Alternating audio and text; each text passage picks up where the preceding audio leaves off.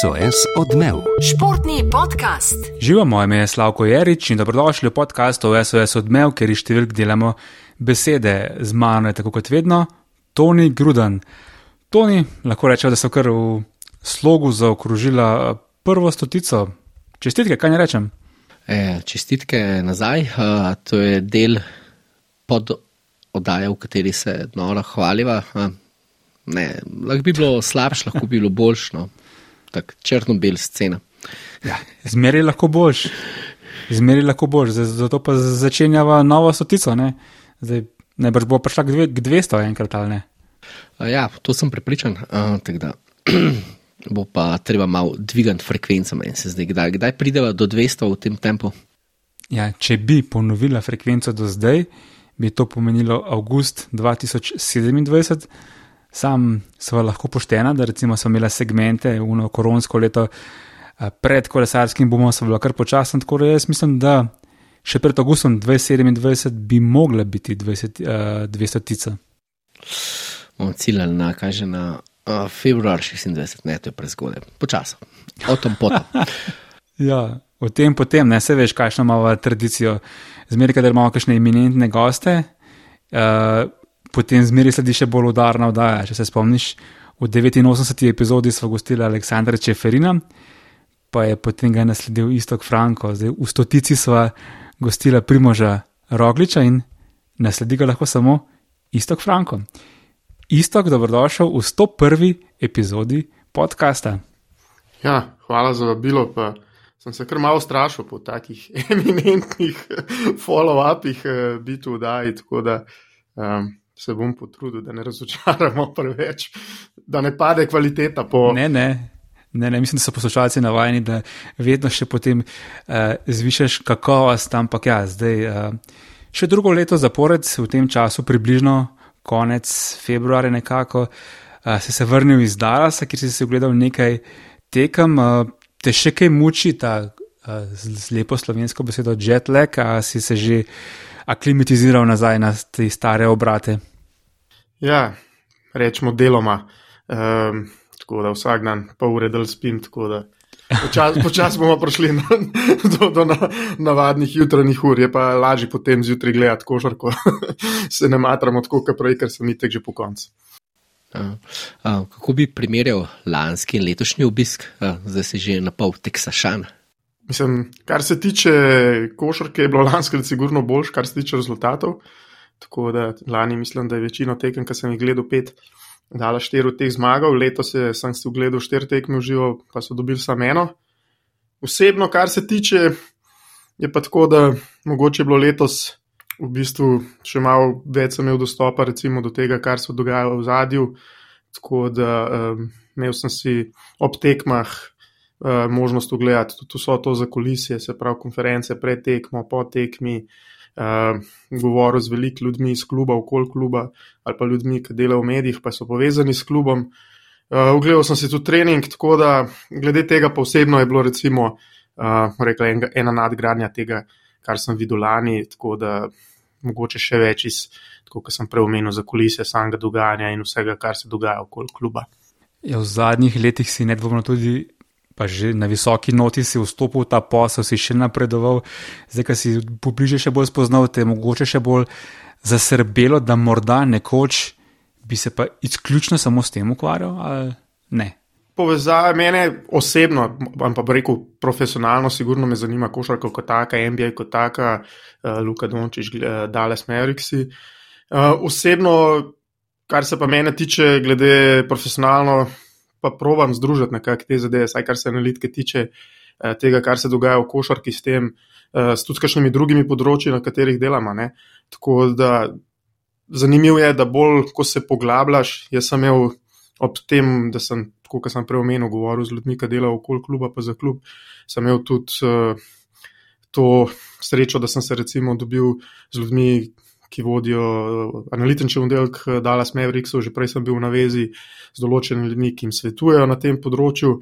Tako da jim bolj kot te stvari, recimo, kar se tiče te napredne analitike, data science, študiraš, vidiš, da so algoritmi, koncepti, principi v bistvu v različnih industrijah zelo podobni, oziroma celo enaki, samo podatki in vsebina je druga. Ne? Tako da večina zadev, ki jih se sam osebno učim na tem področju, možno pa aplicirati tudi druge. Tako da zaenkrat recimo, da to žongliranje med različnimi industrijami, pa branžami, pa košarko, pa športom uh, uspeva. Je pa res, da vedno več uh, stika z različnimi trenerji, z različnimi ljudmi, ki se v košarki to ukvarjajo, s tem ukvarjajo, tako da tudi sam sem že v preteklosti letos uh, delu pa govoril z recimo trenerji, ki so bili evropskimi trenerji v Ligi NBA, pa jih zanima, kako bi se to aplicirali v Evropi, tako da tukaj mogoče uh, vidim priložnost, uh, da naredimo kakšen korak naprej tudi tukaj pri nam v Evropi na tem področju.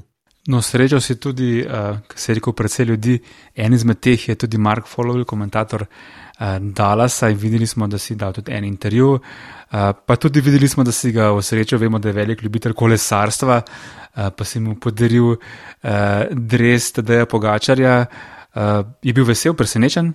Ja, tukaj se moram zahvaliti tudi temu podkastu, kjer, je, kjer združujete Ligo NBA in kolesarstvo. Tako da Ja, Mark Followell je velik ljubitelj kolesarstva, velik poznavalec Slovenije.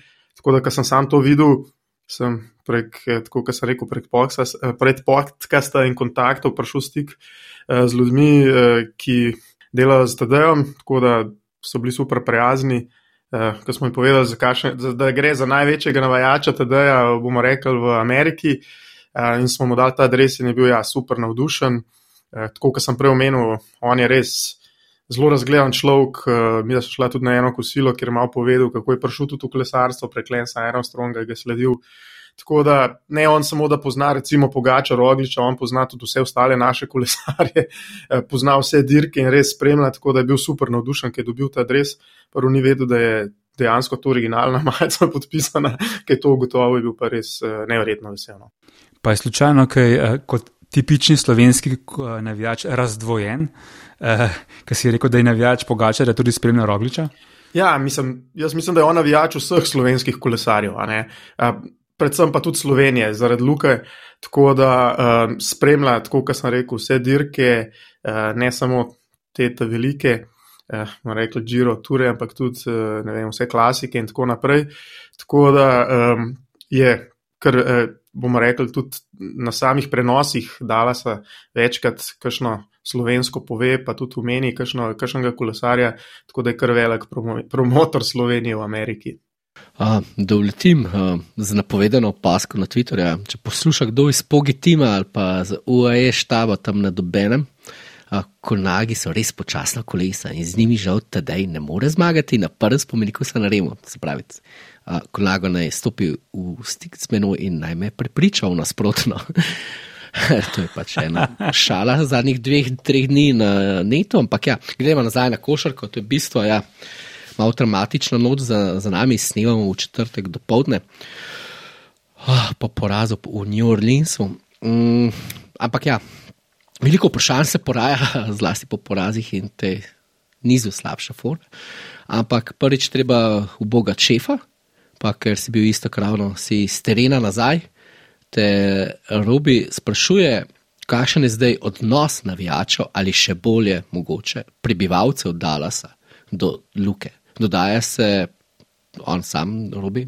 Še nekaj, nazaj, nekaj tednov nazaj je bil še nesporni bog v mestu na parketu, zdaj pa se pojavlja vse več kritik. Ja, jaz bi rekel, da je še vedno daleč največja zvezda v, v mestu, kjer sicer prevladujejo recimo Cowboysi kot eh, najbolj popularen športni klub. Uh, tako da to se vidi na vsakem koraku.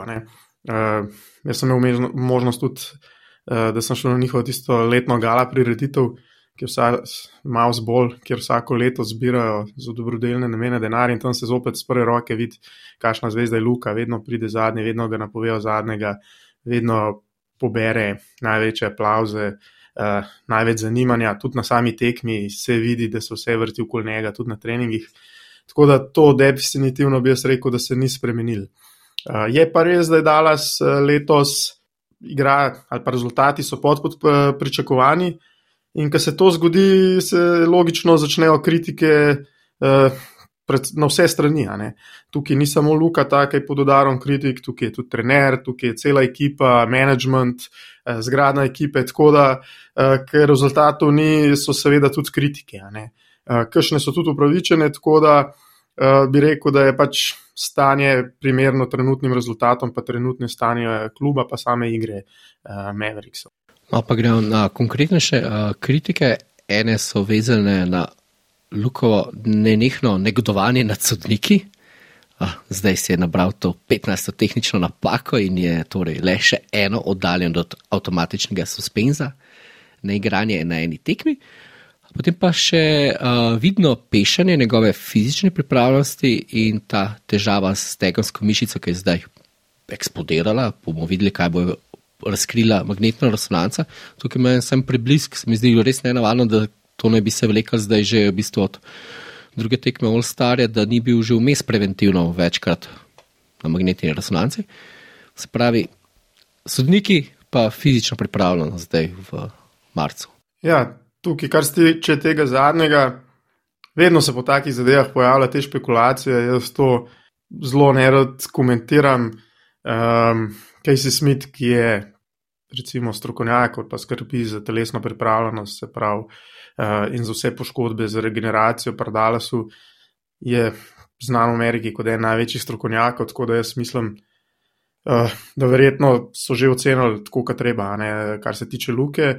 Uh, je pa res, danes sem se s to tekmo ogledal, se pravi, proti New Orleansom in se že videl od prve četrtine, uh, da ima neke bolečine in je potem zaradi teh bolečin tudi to tekmo končal. Sam je tudi to povedal po tekmi, da je čutil to nelagodje, tudi po zadnji tekmi je to že omenil uh, že nekaj časa, tako da bomo videli, kakšna bo zdaj diagnoza. Um, kar se tiče ja, kritik. Glede negodovanja sodniki oziroma relacijo sodniki, pa tudi samo osebno pripravo, telesno pripravo, je pa to tisto, kar sem prej omenil, ne, da kakšne kritike so tudi tukaj upravičene. Uh, Tako da uh, to so zadeve, ki se, kar se tiče Luke, ponavlja že nekaj časa. Ne? Tudi Jason Kidd je zanimiv, prvo tekmo, ki sem bil jaz uh, v, Los, uh, v Dallasu proti Los Angeles Lakers, sem šel po tekmi na tiskovno konferenco, po tisti tekmi, ki je Dallas zgubil, ne? je Jason Kidd omenil, da more ekipa odrasta, ne? se pravi, da more malo spremeniti obnašanje. To so se večina novinarjev tam interpretirala kot poziv Luki. Ne? In takoj na naslednji tekmi proti Indijani je Luka novo tehnično spet zaradi prevelikega pretoževanja sodniki. Tako da tukaj so ene zadeve, ki, eh, recimo, kjer so kritike upravičene in so se tudi v zadnjem času, eh, predvsem tudi, eh, tako kot sem prej omenil, zaradi slabših rezultatov začele mogoče malo bolj pogosto pojavljati. Ehm, tako da Luka je zdaj na polno 24 let, bomo videli, kakšna bo. Eh, ta stopnja razvoja zrelostnega v prihodnosti, ali bo lahko te določene napake odpravil. Tudi danes potekmi Luka o tem govoril, da ve, ve, ve, večino tega, teh problemov pride pač iz, ne, iz njegove strasti uh, na tekmi in željo po zmagi. Uh, ampak to so ena zadeve, ki se vleče že nekaj časa. Podobno je s telesno pripravo, ki si omenil. Tudi tukaj bi rekel, da določene kritike sigurno so upravičene.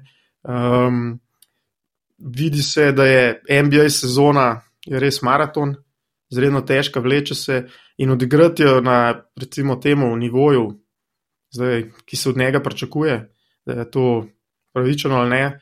Um, težko rečem, ampak na tem nivoju je res izredno težko odigrati celo, nivo, uh, celo sezono in moraš biti 100% oziroma super telesno pripravljena. Uh, Luka tukaj definitivno je imel probleme, že pred to Star Breakom se je videl, uh, da je padel eno, recimo, malo krizo, kar se tega tiče.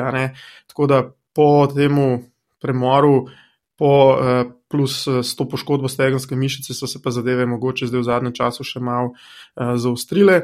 Um, tako da to so uh, sigurno ena stvari, ki se poznajo potem tudi na njegovi igri, pa na rezultatih. Zdaj, drugi del je pa ta, ki se tudi navijači sprašujejo, pa koliko je bil ta prvi del sezone kjer je imel res eh, noro minutažo, noro, eh, noro obremenitev in breme, ki ga je nosil, da je ekipa sploh eh, prišla do tega mesta, kjer je trenutno, koliko se zdaj to pozna tudi na njegovi eh, sami fizič, fizičnemu stanju. Ne.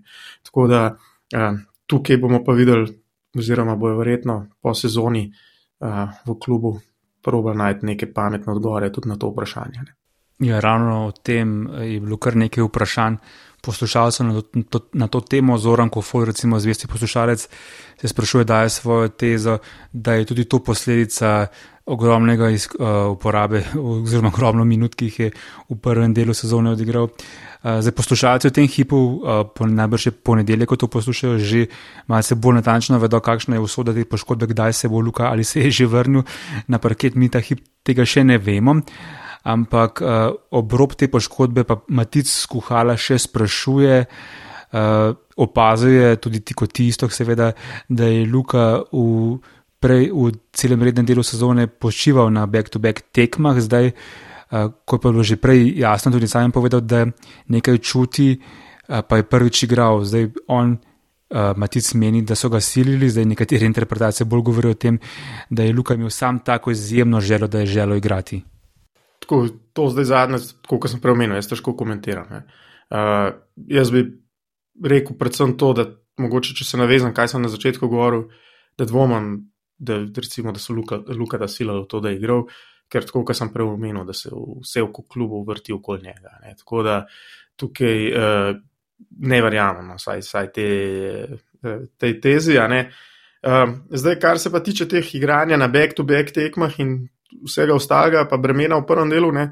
dejstvo je, da je imel Dala celo sezono uh, probleme, da so recimo po, po zadevah, po spremembah ekipe, ki so se zgodile pred začetkom sezone, ne, tukaj mi smo predvsem na odhod Želena Bransona in potem, kako so te vrzeli eh, zakrpala, ne, eh, so imeli težave, ker je bila ekipa slabša kot lani, tudi rezultati so bili slabši niso imeli neke velike, velikega prostora za napake ali pa za počivanje.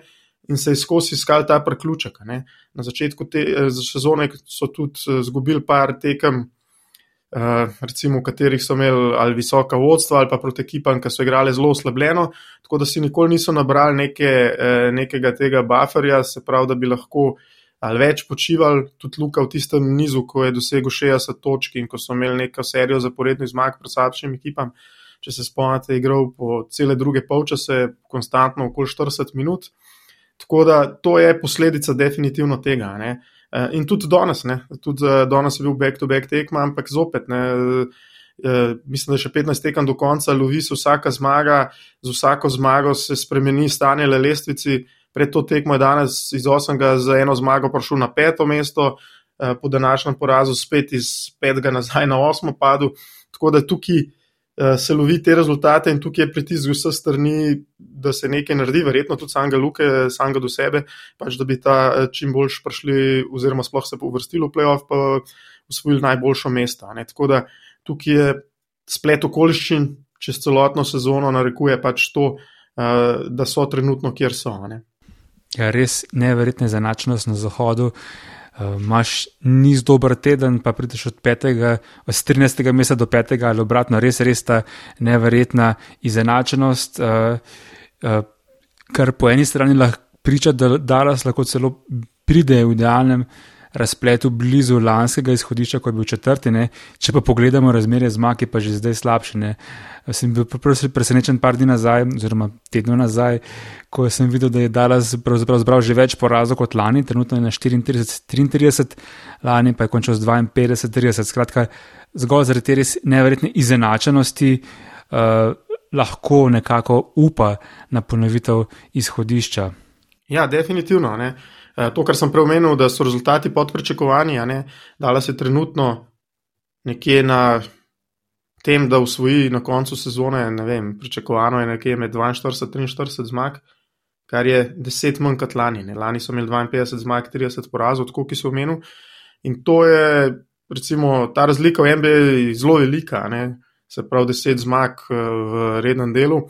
Tako da tukaj definitivno se vidi, da je ekipa funkcionira slabše kot lani. Zdaj, potem, ko so naredili ta velik trend, v katerem bomo sigurno govorili, vprašanje, ali ima večji potencial ali ne. Ampak čez celotno sezono je pa definitivno ekipa delovala slabše kot lani, sploh lani so po. Od januarja naprej, eh, se pravi, ko so po novem koledarskem letu, so imeli res nevrjetno serijo. Ne. Tako da to je ena zadeva, je pa tako, kot si samo omenil, v Zahodu, pa ni, ni neke ekipe, ki bi dominirala, razen trenutno Denverja. Recimo, tukaj sta še dve ekipe, pozitivno presenečenje so Kingsi, plus Memphis, ki ima pa trenutno spet ogromne težave sami interno, ne, z Džamo Rentom in ne ve se, kaj z njim bo in z njegovim uh, suspenzom. Tako da uh, bomo videli, ne, tudi kar se tiče poškodbe, mogoče ne vem. Vprašanje, kako, kako se bodo te zadeve razpletle, mogoče uh, bi bilo celo bolj, da ne vem, Luko za par tekem spošijajo, ker jaz mislim, da ne glede na to, na katerem mestu, če bo seveda, da ne bojo spadli celo iz tega plajina, jaz mislim, da je bolj, da pridejo v uh, playoff spočiti, pa 100-odstotni, kot da se s težavo prebijati. Ja, zato, ker so razlike res tako majhne in jaz mislim, da za vem, eno serijo za Dallas praktično niti ne igra. Take vloge, s kom bo igral, veliko bolj važne, uh, v kakšnem stanju bojo oni. Če smo v večini naših košarkarskih epizod govorili, da se ekipa Mavericksov praktično ne spreminja, je novi športni direktor GM Nico Harrison dejaven, lani se je znebil Porzingisa, pač enkrat nadaja ga treba obmenta, pripeljal Krisa Vuda, ki je zdaj na stranskem telu, a, zdaj še seveda super zvezdnik Kyrie Irving. Dončić ima končno igralca na enaki ravni. Kako si videl to menjavo, predvsem pa njihove prve skupne tekme? Ja, zdaj, kar se tiče aktivnosti menedžera, to je definitivno tako. Ne? Mi smo prej 3-4 leta govorili, da je to vedno ena in ista ekipa, ki jo gledamo zadnje 3-4 leta, zdaj ta ekipa res eh, v enem letu, praktično od lanskega trade deadline do letošnjega, skoraj uh, popolnoma spremenjena. Uh, tako da, kar se tega tiče neaktivnosti, sigurno ni očitati. Bi pa jaz rekel, da je mogoče ta aktivnost manjkala tam, ko so jo najbolj potrebovali, se pravi lani poleti, oziroma že prej, da bi podaljšal pogodbo z Želenom Bransonom. Tista epizoda, oziroma razplet te sage z Želenom Bransonom, jih tepe praktično celotno sezono. In posledično je bil tudi ta. Posledica tega je bil tudi ta trade za Karija Evringa.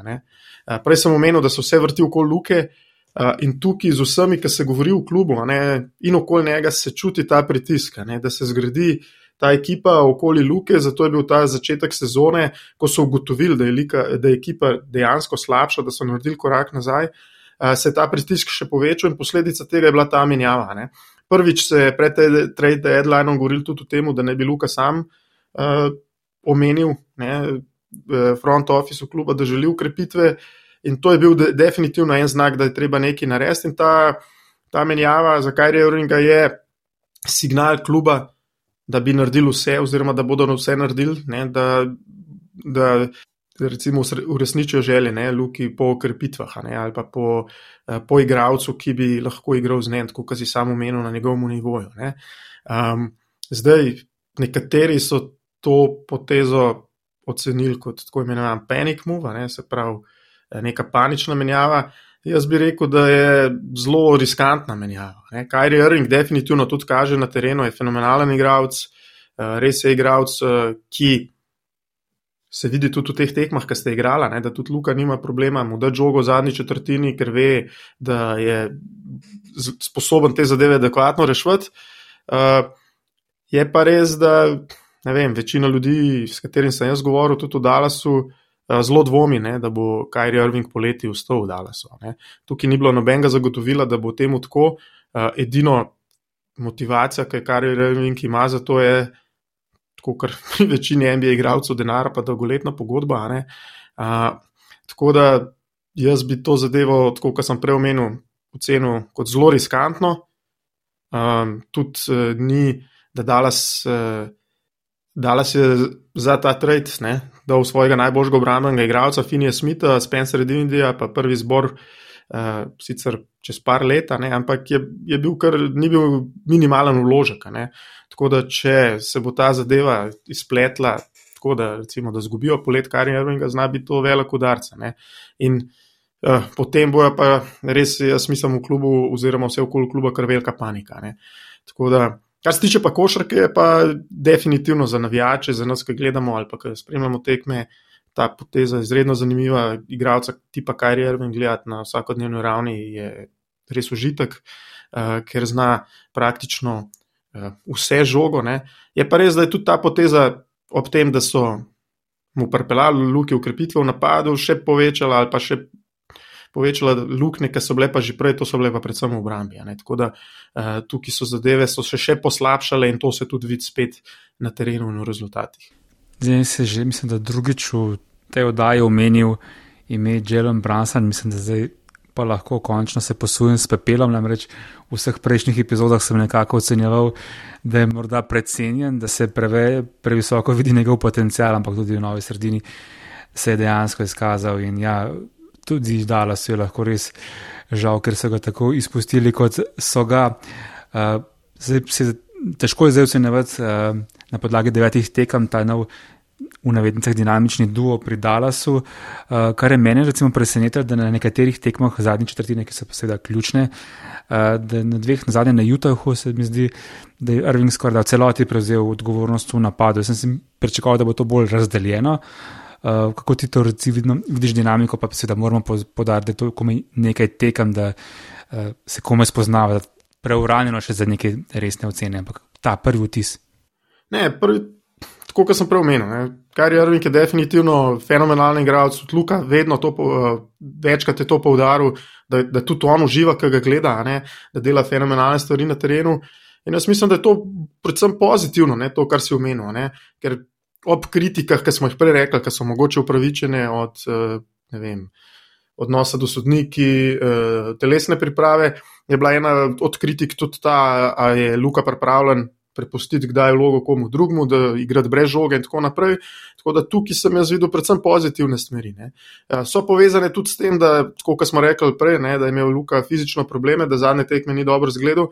Tako da tudi zaradi tega je verjetno sam manj igral v teh zadnjih četrtinah. Uh, Je pa Kajri Irving igralec že pred tem, preden je prišel v Dallas, eh, mislim, da je bil prvi streljec NBA lige v zadnji četrtini.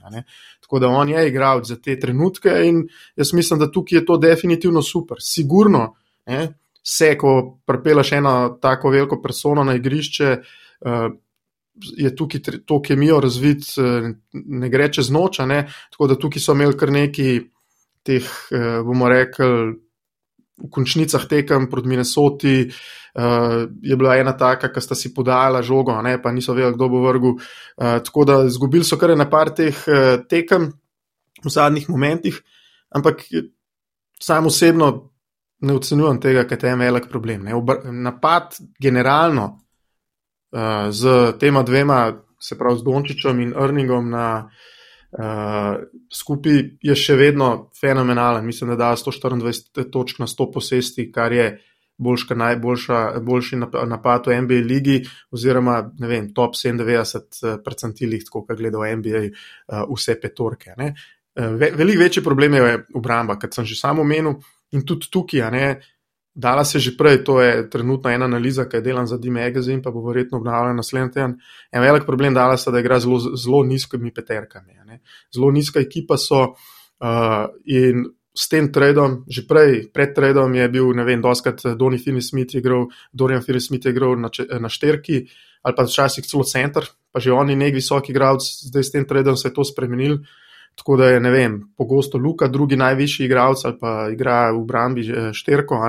Tako da eh, tudi Kari Erming je med manjšimi igralci v Ligi NBA. Tako da so postali še manjša ekipa in še slabša obrambna eh, ekipa. Ne? Mislim, da so padli na 23. mesto v Brambi v Ligi NBA, kar je res slabo. In, eh, večina zadev je v Brambi, pravim, večini elementov so med slabšimi v ligi in to se pozna. Ne? Tako da to se pozna. In jaz bi rekel, tudi ne, spet, če gremo na to breme, jaz mislim tudi to, da večino sezone in po tej tredu še toliko več igrajo z zelo nizkimi peterkami, je, se spet pozna, po mojem, na fiziki. Ker če ti konstantno igraš uh, proti višjim igralcem, močnejšim igralcem, gre toliko več ene energije v to. Ne? Je to zadeva, ki jim zelo pomaga v napadu, ker jih je res težko ustaviti, um, se pa pozna v vseh ostalih elementih če se stavimo pri teh osnovnih številkah, skupaj sta odigrala devet tekem, izkupiček je 3-6. Slavko sicer pravi, da je komaj začetek, v bistvu časa za igravanje, spoznavanje pa v bistvu ni več, a, ker Zahod je res Wild Wild West. A. Boj za, ta, za to šesterico stvari partisk, če se zalomi, lahko stane v bistvu tudi brez končnica. Uh, sam si že menil, da se omenja, da se dvomi v Irvinga, da bi ostal čez poletje. Potem je ta spet dilema, kaj s Krisudom, kaj si kaj slišal. Skratka, ta poškodba, kako v bistvu izboljšati to ali obrambo, ali pa pač da s to super napadom le pridejo, da se zrinejo med čest. Ja, Kristjan Wood je en igralec, ki je zelo razdvaja vse navijače v Dallasu.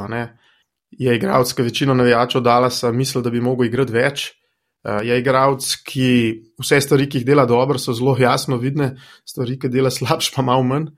Uh, dejstvo je, da mu trenerski šaf ne zaupa, ne? to se vidi posod, ne samo lahko to se vidi, če gledate samo tekme. Uh, če, tako kot sem prej samo omenil, če govorite z ljudmi iz kluba ali pa s kom koli kluba, je to pač toliko bolj očitno. Kristjan uh, Woods. Uh, jaz mislim, da sam bom tako rekel, ne, da če se sezona dala salomi na tem, da bi mogel Kristjan Wood igrati več ali pa manj, pomeni, da imajo veliko večje probleme, kot je vloga Kristjana Wooda. Ne. On ni igralec, ki bi, ki bi lahko uh, bil X-faktor ali pa ne vem, v eni ekipi, ki mer uh, visoko v playoffu, nikoli ni bil. Uh, tako da, uh, kar se tega tiče, kar se tega tiče, definitivno jaz sam ne vidim problema v, v vlogi, recimo, Kristjana Vuda. Uh, problem je v tem, da je pač on igra pozicijo, ki je predvsem obrambno zelo zahtevna, ker igra na peticiji, je obramba katastrofalna v Dalasu. Tako da uh, tukaj napadalno je pa spet ta trade, za kar je, kar je Irving, je Irvinga prpe. Pomeni, da mogoče zadeve, ki jih Kristjan Vud dela dobro, ne, to je pa predvsem zadeva, ne, pa pointera, potrebujejo veliko manj. Tako da jaz bi rekel, da je tukaj veliko bolj problematično za Dallas, je poškodbe, pa uh, vloga eh, Maxi Klebarja, ne, ker je trenutno edini kompetenten, velik uh, obrambni igralec in njega res krvavo potrebujejo. Ne. Sam, tako podobno kot Luka, je imel dolg, ča, dolg časa po, probleme s poškodbo, zdaj se je vrnil. Tako da bomo videli. Ne. Jaz mislim, da mogoče tudi za njega pričakovanje pa breme zna biti preveliko. Ampak drugega igralca praktično v obrambi, ki bi lahko to vlogo kompetentno igral, dala s njima. Ja, večkrat se je upozoril, da je negotovo, kaj se bo zgodilo z Irvingom poleti. Ne? Vemo, da še skoraj da, ne skoraj da, vsak klub, kjer je prišel, je prišel s sladkimi besedami, pa vemo, kako se je končalo. Morda bi samo izpostavil za tiste ljubitelje Dalasa, ne, ki prav gotovo jih je, sploh tisti, ki res še dlje spremljajo. Ne. Ne vem, če sem videl že kdaj tako žalosten obraz uh, igralca, ki je zapustil ta klub in potem naredil to prihodno tiskovko, ne v mislih imam Fini Smita, ne si spremljal, kako bi prav. Pač itak moraš biti uh, nov klub in ne vem kaj vse, ampak ni mogel skriti tega razočaranja. Ja, Fini Smit je definitivno ne, en igralec, ki je celo kariero igral v Dallasu, v Dallasu so ga naredili, ne, on ni bil draftiran. Uh, vloga, bil je izredno pomemben za to ekipo, uh, tudi en, bomo rekli, boljših prijateljev samega Luke na terenu, pa izven terena. Mislim, da je Luka sam rekel enkrat v enem intervjuju, da bi se želel, da bi celo sezono igral z njim. Tako da tukaj definitivno je bilo razočaranje na obeh straneh. Danes pač te, tega trada ni mogel izvesti brez tega, da v sam trade vključi torej na Fine Smita. Um, Vidim, da tako Dallas, Dallas odorjen Fine Smith zelo manjka. Ne? Prej sem rekel, nimajo igralca visokega praktično. Eh, ki bi lahko pokrival vem, te visoke krilne igralce. Ob Maxiju Kleberju je bil to Fini Smith edini, ne? trenutno to vlogo igra Josh Green, ki je pa še predvsej neizkušen, ne? ima sicer fizično eh, zelo dobre predispozicije, je pa tudi par centimetrov nižji. Tako da mogoče pri pokrivanju igralca tipa Kevin Durant, ki je zdaj prišel v zahodno konferenco, tipa igralca LeBron James, Kawhi Leonard, to so te visoki krilni igralci, tukaj ima Dallas največjo luknjo to tudi prej, kar sem omenil, da je mogoče za Dallas. Uh, Letos bojo mečapi v playoffu, če se v njega vrstijo, zredno uh, pomembni. Jaz sam vidim te ekipe, ki imajo te profile igralcev, ki sem ga prej naštel, veliko večji problem, mogoče kakšne druge ekipe za Dallas. Ne. Tako da tukaj Dallas, Dorian Fitness Smitha izredno pogreša, je pa vidno tudi obratno. Ne. Dorian Fitness Smith je igralec, ki je v napadu zelo limitiran in brez igralca tipa Luka Dončić, ki mu ustvarja te mete iz kota. Uh, vidimo, da trenutno v Brooklynu ima kar probleme, predvsem v napadu, ne, v novi vlogi, v novi ekipi. Ne. Tako da mislim, da je ta ljubezen pa pogrešanje oboje stransko trenutno. Ne. Ja, ki omenjata Dorjana, njegov res potočen, tako res žalosten odhod. Uh, sam sem še mogoče malo bolj in, investiran že dlje časa v uh, hokej NHL in sedaj LA Kings, ker je, š, ker je uh, šokirala menjava. Čeprav po številkah, po igri, vse je upravičeno, utemeljeno. Pač Jonathan Quick, legenda kluba, po 16 letih, dveh uh, naslovih prvaka, prejmo je bil MVP finala, oziroma celotne končnice, so ga menjali, čeprav se pričakovali, da bo je konc poletja šel v penzijo, kot vedno in edino je bil le kralj v Enhelu. Uh, pač ja, in uh, je bilo zanimivo, ko sem pospremil. Um, novinarsko konferenco GM-a, Roba Blakea, drug dan pa ga je direkt vprašal, kakšna je bila reakcija. Mislim, da je priznal, da je takoj po telefonu preč Kvika povedal, da je potek mi menjan, ki je bil šokiran, potem pa Kopitar je kot kapetana. Pa dal te, kot prvega vrednice, ko vpraša, kakšna je bila reakcija pač dveh uh, edinih še prostalih dvakratnih prvakov od Kingsov, ki so vse skupaj dal to leta porazov, uspon, dva naslova, razpad, uh, životarjenje prdno in zdaj grejo v bistvu zelo visoko proti vrhu. In je pač direktor rekel, ja, da sta bila šokirana in razočarana. In mi je prav v bistvu postal strah, zdaj se v bistvu borijo za prvo mesto na zahodu. Kakšna bo reakcija vodje ekipe, ki so izgubili v bistvu prijatelja, nekdanjega vodjo. Ampak ja, krut je severnoameriški šport. No? Definitivno, ne. Uh. Zdaj, eno stvar sem ti pozabil, meni to ni, da uh, veš, tudi s tabo v mislih sem si oglesil tudi eno tekmo, ene hela v Dallasu, eno tekmo starsov, sicer kot totalen analfabet, pa kot nevijač sem proti ameriško vzdušje, pico, pivo in gledal tekmo v miru, se pravi, čez drugačke košarko. Um, to, kar si pomenil, ja, definitivno je kruto, vidi se to, da se za zvezdo, ne, v NBA-ju še bolj kot NHL je, potrebuješ res talent, zvezde, eh, za to, da zmaguješ. In tukaj ni milosti. Ko se pojavi priložnost, da se ena tako zvezdo ekipo prepele, eh, ponovadi se tukaj ne gleda na ostale igralce. Se pa v Dallasu Mavi vidi tudi ta problem snašilnice. To, kar smo prej rekli, problema je Lukata z tehničnimi napakami, z nervozo na terenu. Dallas je spremenil slačilnico v enem letu, to, kar smo prej rekli za uh, Niko Harrisona da so spremenili ekipo, tudi slačilnica se je zelo, zelo spremenila. Ne. Lani v playoffu si imel igralce Jelena Bransona, ki je fenomenalen, ne samo kot igralec, ampak tudi vodja. On je bil tudi v študentski ekipi, vedno vodja zmagovalnih ekip. Uh, bil je ena taka, bomo rekli, zelo mirna prezenca, ne, tudi uh, ki je znal z Luko sta skupaj prišla v Ligo NBA in um, mislim, da je imel tukaj kredit, pa uh, samo zavest, da tudi Luki kdaj kaj pove. Uh, Eh, potem so izgubili Bobana, ki je bil recimo Lukatov najbolj, en boljših prijateljev v ekipi, izgubili so Dorina Fine Smita, zopet, ki je bil en del tega jedra.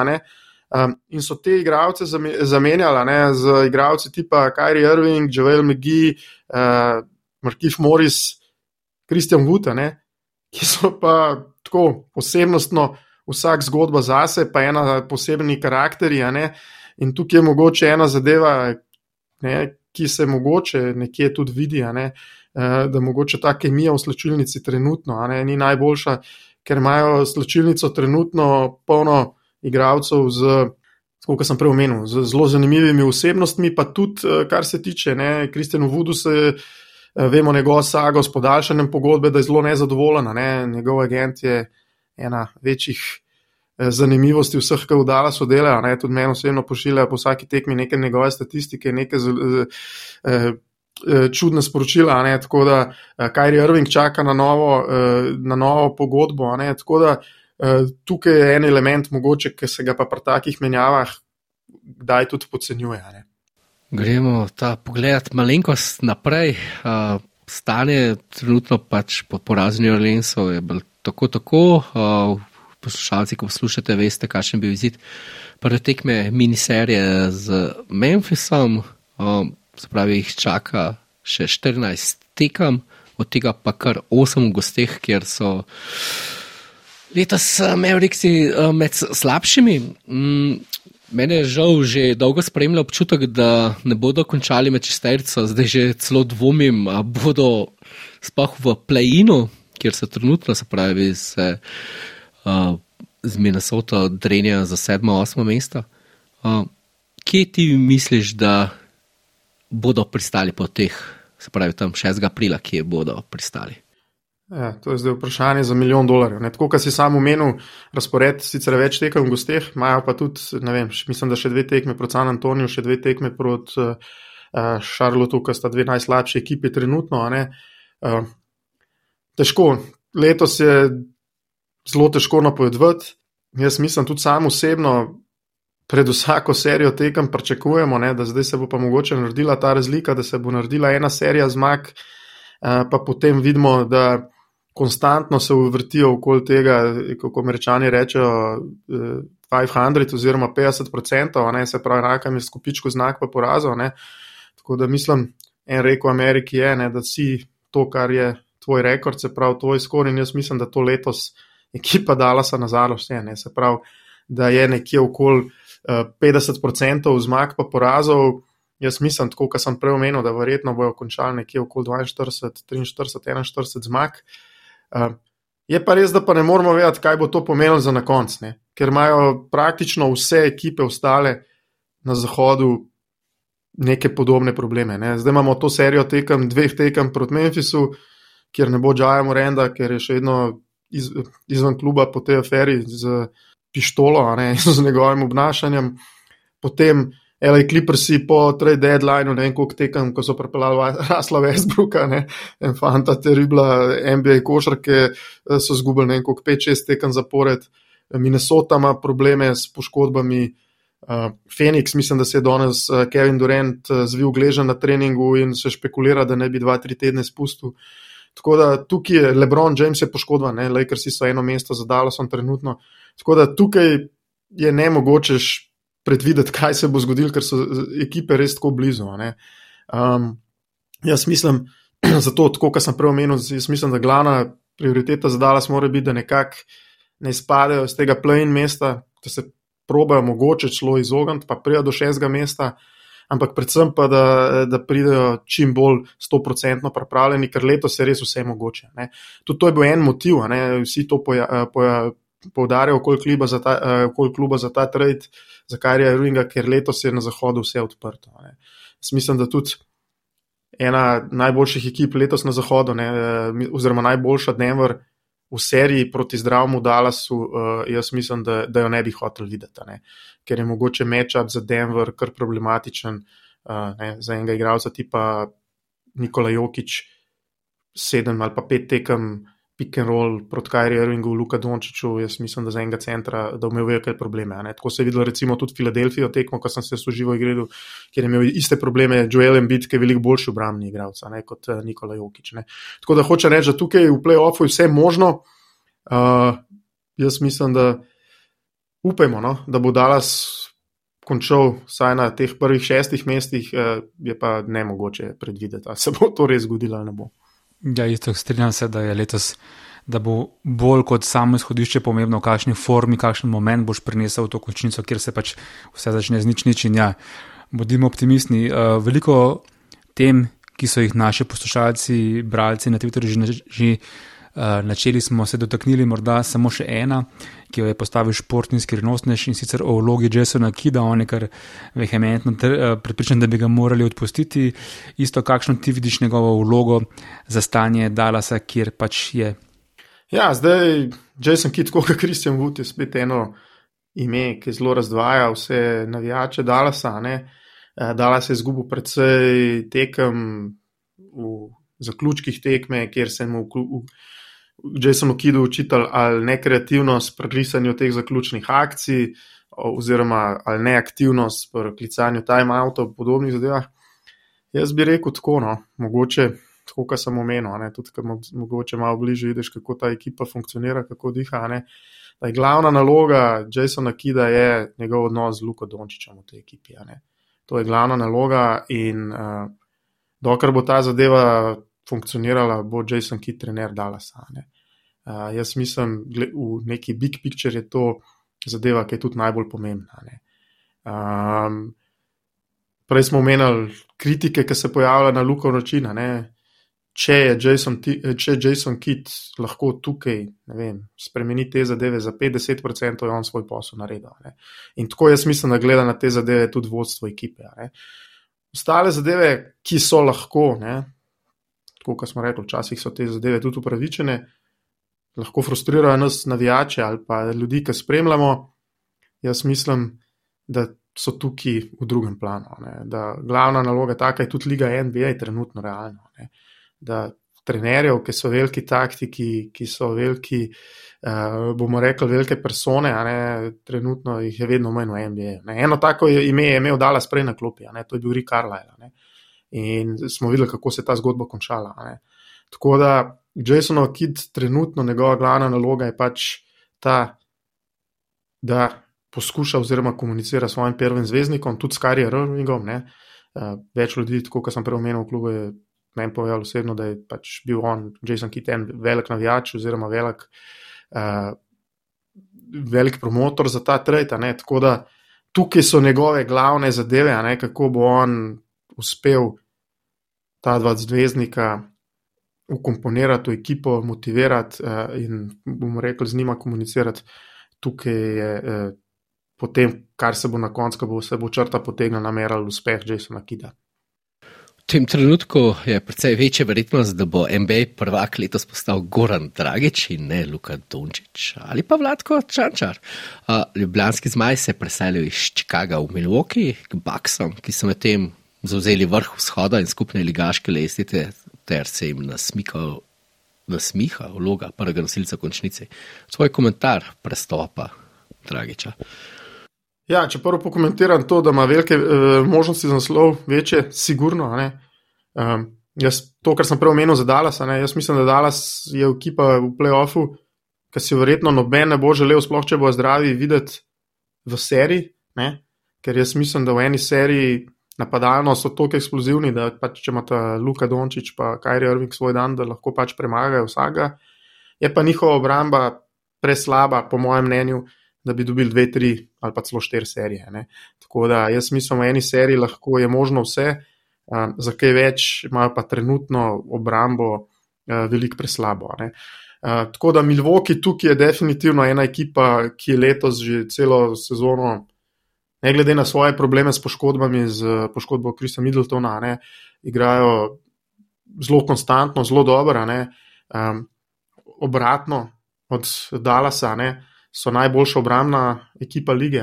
Objani so imajo Džura Holidaya, imajo uh, Bruka Lopeza, ki je po moje top 3 obrambnih igralcev letos. Tako da tukaj Goran super, da je dubo možnost. Uh, eh, Kukor jaz vem, je bil on že lani, imel velike opcije o tem, da bi prestopil v Milwaukee, pa se potem razpletel tako, uh, da je šel v Brooklyn. Tako da jaz mislim, da, da je dobro, da je to se po enem letu obrnil drugače, ker je prišel pač v ekipo veteranov, kjer jaz mislim, da je edina, edin cilj je naslov in če lahko oni odigra majhno vlogo pri tem cilju, jaz mislim, da bo on super zadovoljen, pa tudi klupane. Hvala istok za tvoje vtise, mišljenja, analize.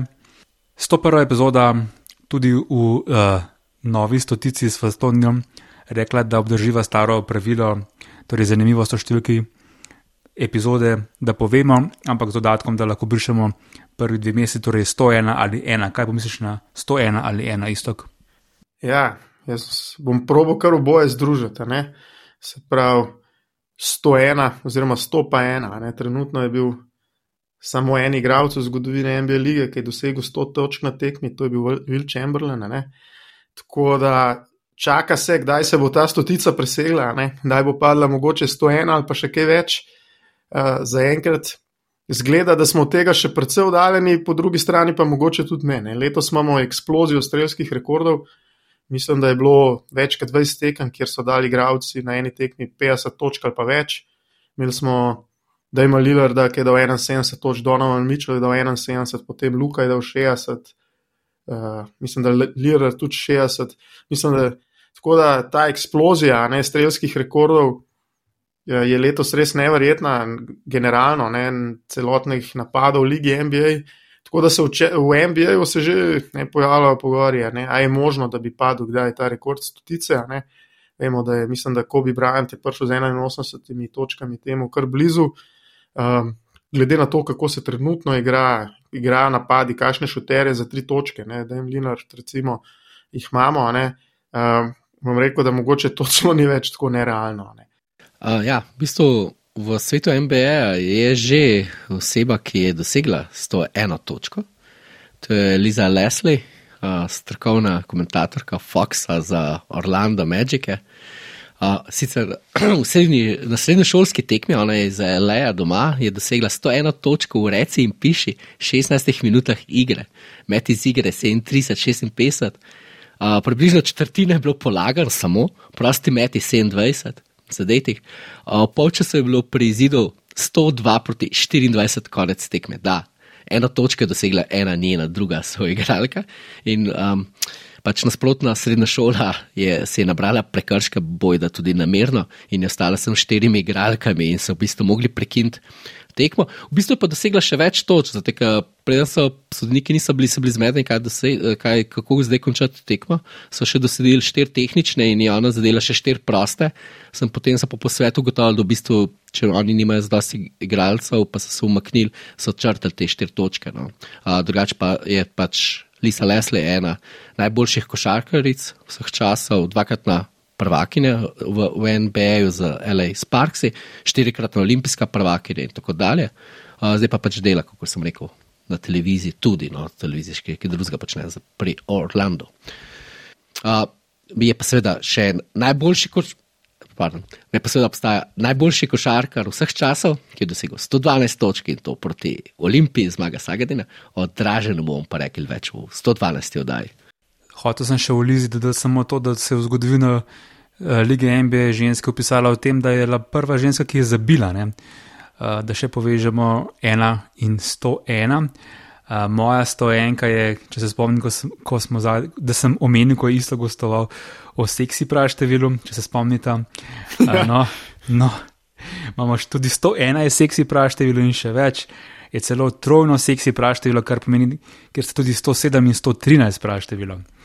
Uh, v tej oddaji pa pogosto, ko potem montiram, se spomnim, katera je bila tema iste številke epizode v številkah, ne, ker moj drugi podcast in v številki 101 je gostovala Saša Babič. Uh, jo poznata? Jaz ne. Moram se preklicati zdaj, pardon, se upravičujem.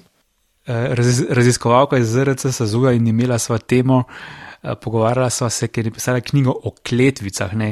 In kletvice pa so, mislim, da tisto, uh, kar pa tudi sodi v Ligo NBA, trash talk, vemo, kdo so bili kralji trash talka, da je to tudi bil eh, neke vrste uh, igra v igri, Evo, da na nek način povežemo še uh, to vrstno povezavo. Istok, še enkrat hvala lepa za unovično gostovanje. Ja, hvala vama za vabilo. Upam, da se spet slišimo, recimo. Uh, pred končnico z željo, da bo čim več slovencev igralo v njej. Ja, jaz tudi upam, ne, da, da bomo imeli razlog, da se slišimo pred končnico, da, da, bo, da se bo dala svanje uvrstil, pa da bomo imeli kakšno zanimivo serijo eh, za analizirati oziroma za napoved. Tako da upajmo na vse najboljše. Se pa pravim, play in z Lakersi. Ja, ta bi bila kar zanimiva. SOS odmev. Športni podcast.